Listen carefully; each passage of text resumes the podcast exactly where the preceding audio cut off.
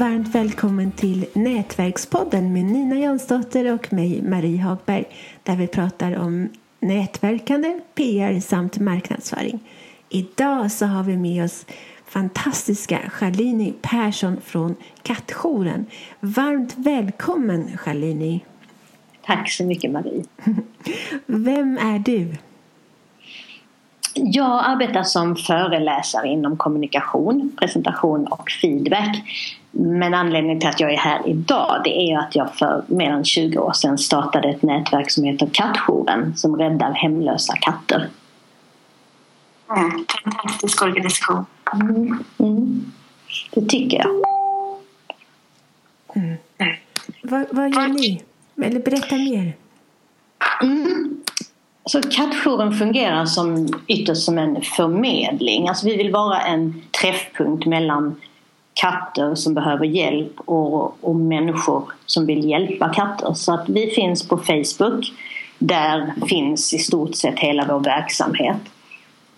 Och, och där nödropar vi, alltså när, när vi får reda på att en katt behöver hjälp så lägger vi ut annonser som vi kallar för nödrop för den här katten och söker då hjälp. Så man kan säga att vi fungerar som en förmedling för hjälp till katter. Alltså ni är fantastiskt framgångsrika. Hur har ni gjort för att skapa all den här framgången? Ja, alltså jag tror... Ehm, alltså vi har ju gjort det väldigt medvetet att vi har velat få ett stort nätverk snabbt just för att vi skulle kunna nå ut till väldigt många och på det sättet rädda många katter. Eh, och jag tror ehm, från början så har ju strategin varit att involvera människor. Inte att vi ska sitta som en, ja, som en organisation då och vara de som är ute på fältet och gör allt jobbet. För det, det fungerar inte. Då hade vi bara kunnat hjälpa ytterst få eh, katter utan att vi istället ska vara eh, i knutpunkten då vara de som hittar hjälpen. Alltså vi ska bara vara kontaktytan. Men jag tror, jag tror att framgångsfaktorn har varit att involvera människor och göra det möjligt för människor som vill göra en insats att göra det på ett, på ett enkelt sätt. Sen, sen tror jag också att en eh, Ja, jag tror att en faktor också är det sättet som vi skriver våra nödrop på. Då. Hur, vi, eh, hur vi talar för för katten. Ni berättar intressanta historier som, det blir, eh, som väcker känslor och viljan att hjälpa till. Kan du berätta lite grann om hur ni skriver så att lyssnarna lär sig? Ja, alltså vi, det vi inte vill göra det är att vi inte vill eh, vi vill inte framställa katten som en produkt. Alltså med, om ni tänker en sån här vanlig annons kan kanske handla väldigt mycket om hur gammal katten är, vilken färg den har och liksom en massa egenskaper. Så det känns som en produktannons.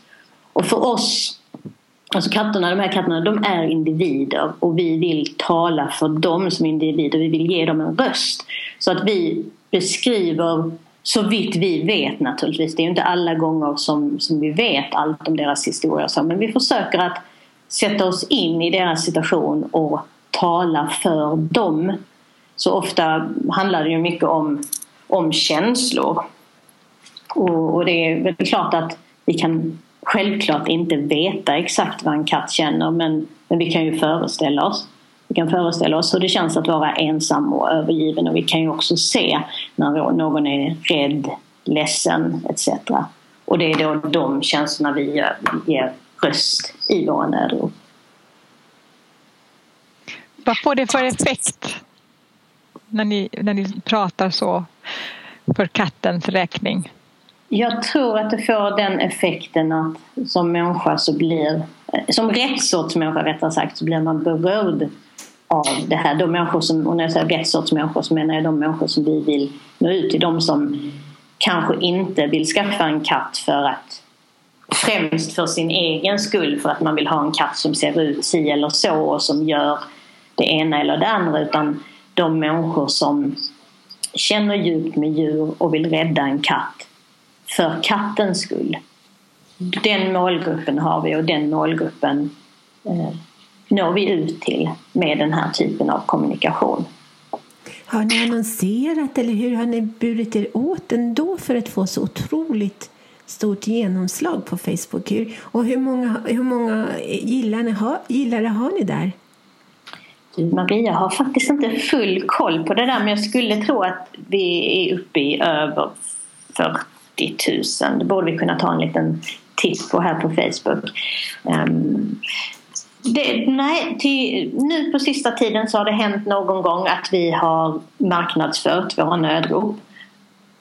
Men i övrigt nästan uteslutande, framförallt när vi har byggt upp den här stora basen av, av gillare så har vi inte haft någon marknadsföring alls utan det har varit helt och hållet organisk tillväxt där människor har Alltså vi, har, vi gör material som jag tror motiverar människor att dela och det har de då gjort i väldigt hög utsträckning. Det är så vi har växt från dag ett.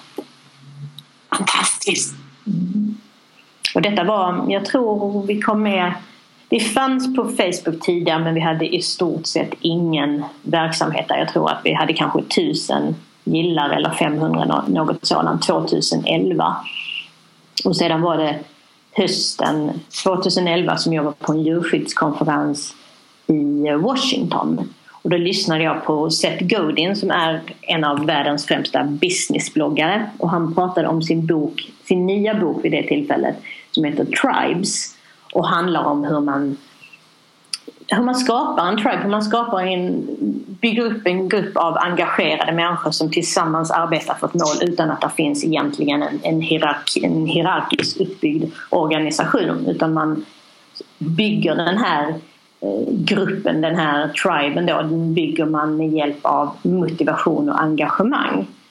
Och, och han var själv oerhört engagerande sett när han pratade så att när, han, när det här föredraget var klart så, så hade jag bestämt mig för att jag ville skapa en tribe då eh, i fråga om djurskydd. Och eftersom jag redan hade kattjouren sedan många år så blev det naturligt att, att det var där då som det här skedde. Så att det började när jag kom hem, det kanske var i september, oktober 2011 och då hade jag som mål att inom ett år ska vi vara 10 000 på Facebook. Men jag tror inom ett år så var vi kanske ja, 12 13 000. Mm. Och sen har det ju bara växt sedan dess. Hur många är ni som jobbar med sidan? Eh, vi är väl kanske vi är inte många alls. Alltså det, kattjouren drivs av en väldigt... Kattjouren gör väldigt mycket och drivs av väldigt få människor. Vi är kanske sex, sju stycken som är engagerade i sidan på olika sätt. Och förmedlare som, som har nödrop och, och folk som liksom har hand om webbsidan och så. Men, men vi är inte många. Hur försörjer ni kattjouren? Hur får ni in pengar till att driva verksamheten? Mm. All, alltså vi har vi har ingenting, inte haft något hittills i alla fall med månadsgivare och faddrar och sånt och det är någonting som vi nog ska börja med. Utan fram tills nu så har faktiskt verksamheten enbart finansierat så att vi har insamlingar när vi behöver få in pengar. Det vill säga vi är en no-kill organisation och det innebär att vi räddar alla friska självklart och även eh, behandlingsbara katter, alltså katter som är sjuka eller skadade men med vård kan komma tillbaka och få ett bra liv. Och det blir jätte, jättedyrt. Så våra, våra vårdkostnader är enorma och då gör vi så att när vi har får in en akut skadad katt. Jag skickade innan på Facebook till er båda ett litet klipp med, med en av de här katterna. Som, som vi då fick reda på via, via Facebook. Det spriddes en, en, en film där man såg en väldigt, väldigt mager och eh, sjuk katt som hade svår, stora problem med att gå. Och vi fick reda på detta och engagerade oss, hämtade den här katten, körde honom till djursjukhus. Och sedan la vi ut en insamling och tack vare den insamlingen så kunde vi då rädda hans liv. de här alltså vårdkostnaderna de blir, de blir riktigt höga. Men i och med att vi har ett stort nätverk och, och med väldigt engagerade människor så lyckas vi då få in pengar snabbt. Brukar ni oftare använda filmer nu än, eller foton? Nej, alltså i det här fallet med Tio som den här katten hette så, så um, fick vi reda på hans öde via en film som spriddes uh, via Facebook. Själva har vi däremot inte börjat att använda film i särskilt stor utsträckning. Och det beror främst på att de gånger vi har gjort det så har vi märkt att vi inte har fått samma räckvidd på det som vi får när vi använder foto. Så foto det är vår um, väg. Samtidigt så är det viktigt att, foto, att det är bra foton och bra foton eh, närbilder där man får ögonkontakt, alltså foton som ger en känsla för katten som individ och som skapar kontakt. Det är foto, en bra foto och en bra berättelse som är ert framgångsrecept? Bra foto, alltså ett att ha ett individfokus, att hela tiden lyfta fram individen, inte problemet med hemlösa katter. Det är inte därför vi finns utan vi finns för individen. Vi finns för att hjälpa individer. Och tillsammans eh, sammantaget så får det förhoppningsvis en effekt för problemet med hemlösa katter. Men vårt mål, den vi finns där för, det är individen. Så individfokus och att vi sedan följer den linjen i både text och bild. Vi lyfter fram individen där. Det är receptet. Ungefär hur många katter kan ni rädda, eller räddar ni per år? Hmm. Ja, väldigt, väldigt många. Um, vi pratar, vi pratar åtskilliga hundra, sen kan det gå upp och ner under årets månader i hög utsträckning. Jag skulle säga åtskilliga hundra i, i genomsnitt per år. Jättebra.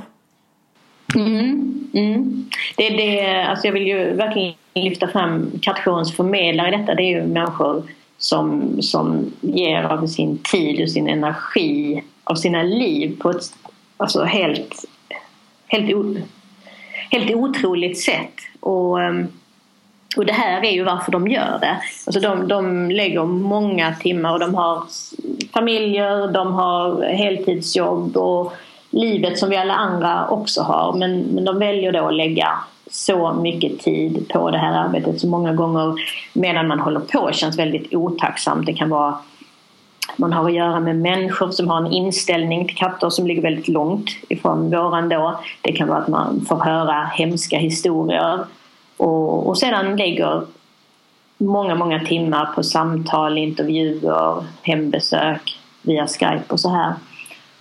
Men det som gör det värt det, det är ju just detta att gå och lägga sig och veta att man har räddat liv. Och jag tänker att de som är med, alltså de, ett sätt att vara med även om man inte bidrar med pengar eller att man eh, faktiskt tar hand om en katt eller eller så, så kan man ju ändå bidra genom att gilla, kommentera, dela inlägg. Så det, det är ju alla små bäckar är värdefulla här. Verkligen, precis. Förmedlarna i kattjouren de gör, de gör det yttersta jobbet och det jobbet skulle överhuvudtaget inte vara möjligt utan alla de här människorna som är med i nätverket och gör just det du säger, som delar, som taggar, som kommenterar. Det är de, det är de som är nätverket för det är de som gör att inläggen får den räckvidden det har. Och, alltså, någon ställning är det som, som leder till att rätt person ser det här nödropet och hör av sig för att adoptera just den här katten. Så det, det, det är fantastiska med sociala medier att just det ger möjlighet att göra en väldigt liten handling som kan få stora livsförändrande konsekvenser. Ni gör ett absolut fantastiskt jobb. Stort tack för att du var med Charlini och jag hoppas att många hjälper till nu med kattjouren och donerar pengar och försöker ställa upp med hem och sådär. Och delar och gillar. Allting vi gör tillsammans för att hjälpa till är värdefullt. Mm. Tack själv, det hoppas jag också. Och det var väldigt roligt att vara med här. Hur får man tag i dig, eller kattjouren? Kattjouren når man via eh, mail på info.kattjouren.nu. Är det så att det är något akut ärende med en katt eh, i nöd som behöver hjälp så är det en annan mailadress. Då mailar man till akut.kattjouren.nu. Jättebra. Tack så mycket. Tack själv.